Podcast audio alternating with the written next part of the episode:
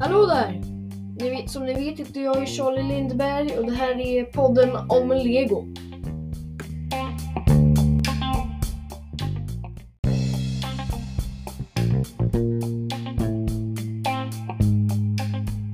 I det här avsnittet ska jag prata om något som jag tycker är väldigt, väldigt intressant. Jag vet inte om du tycker att det är så intressant, men det tycker jag och det ty- är, vad jag tycker är det viktiga. Att jag tycker att det är intressant. Annars skulle jag inte ha den här podden om jag inte hade tyckt att Lego var intressant. Det hade varit jättekonstigt om jag hade en podd som- om Lego om jag inte gillar Lego. Ja, men i alla fall. Idag ska jag prata om en minifigure-serie. Series. Ja, en minifigurserie. Med eh, Marvel-karaktärer. Den heter Lego Minifigures Marvel. Jag kallar, brukar bara kalla den Marvel-serien. Marvel Minifigures-serien. Typ. Typ. Ja, jag vet faktiskt inte exakt vad den heter men jag tror Marvel Minifigures Series. Typ. Något sånt. Men eh, den här serien ingår, ni vet en serie. Så här påse, sen öppnar man. Åh, kolla den här gubben har jag inte. Det är alltid så här exklusiva gubbar. Såna här gubbar som inte finns i något annat legobygge förutom i den här serien. Och det är såna här påsar random gubbar i då. Den här minifigurserien innehåller 12 minifigurer. Det är bra och det är väldigt bra minifigurer. Enligt mig som älskar Marvel och sånt. Ja. Jag har hittills, nu när du lyssnar på det här, jag själv har börjat samla på den skulle man kunna säga. Hittills har jag nu tre stycken. Jag ska snart få en fjärde. Och, ja. Men alltså, det jobbiga är om man får en som man redan har. Det är ju ganska störande. För vad gör man då? Ett tips om du har kompisar som gillar det. Byt med dem. Eller sälj den. På något sätt. Typ Blocket eller något, jag vet inte. Eller bara ge bort den. Men vad vet, jag vet inte. Du bestämmer ju själv om hur du gör om du redan har Ja. I den här minifigurserien så finns det gubbar från olika Marvel-serier nu då. Som från Wanda Vision, Falcon and the Winter Soldier, Loki och What If.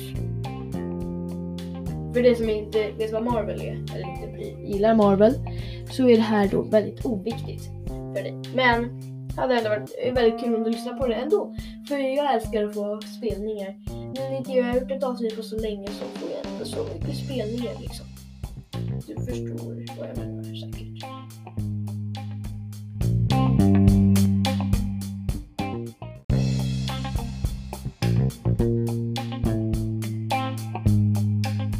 Jag, jag älskar allting med den här serien.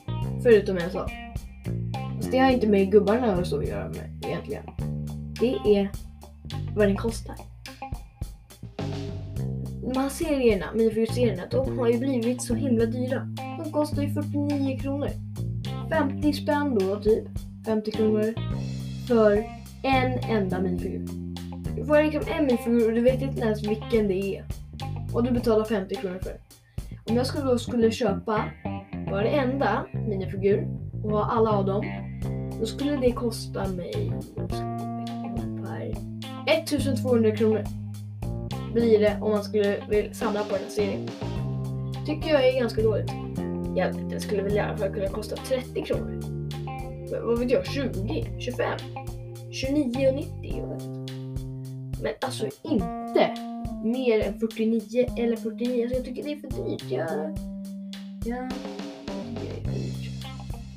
Det tror jag nog att du håller med mig om. Men jag förstår ju också att eh, företaget Lego vill tjäna mycket pengar. Men de, har ju, de är ändå så stora, och tjänar ju ändå hur mycket pengar som helst. Så ja, det är ganska onödigt att ha så höga priser.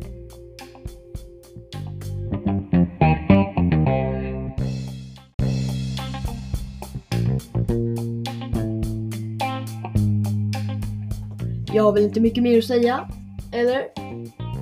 Om det är något du tycker att jag inte har sagt så kan du skriva det på Little Life. Ja. Men, ha det bra och may the brick be with you så får du lyssna på nästa avsnitt också. Om du tyckte att det här var bra då. då.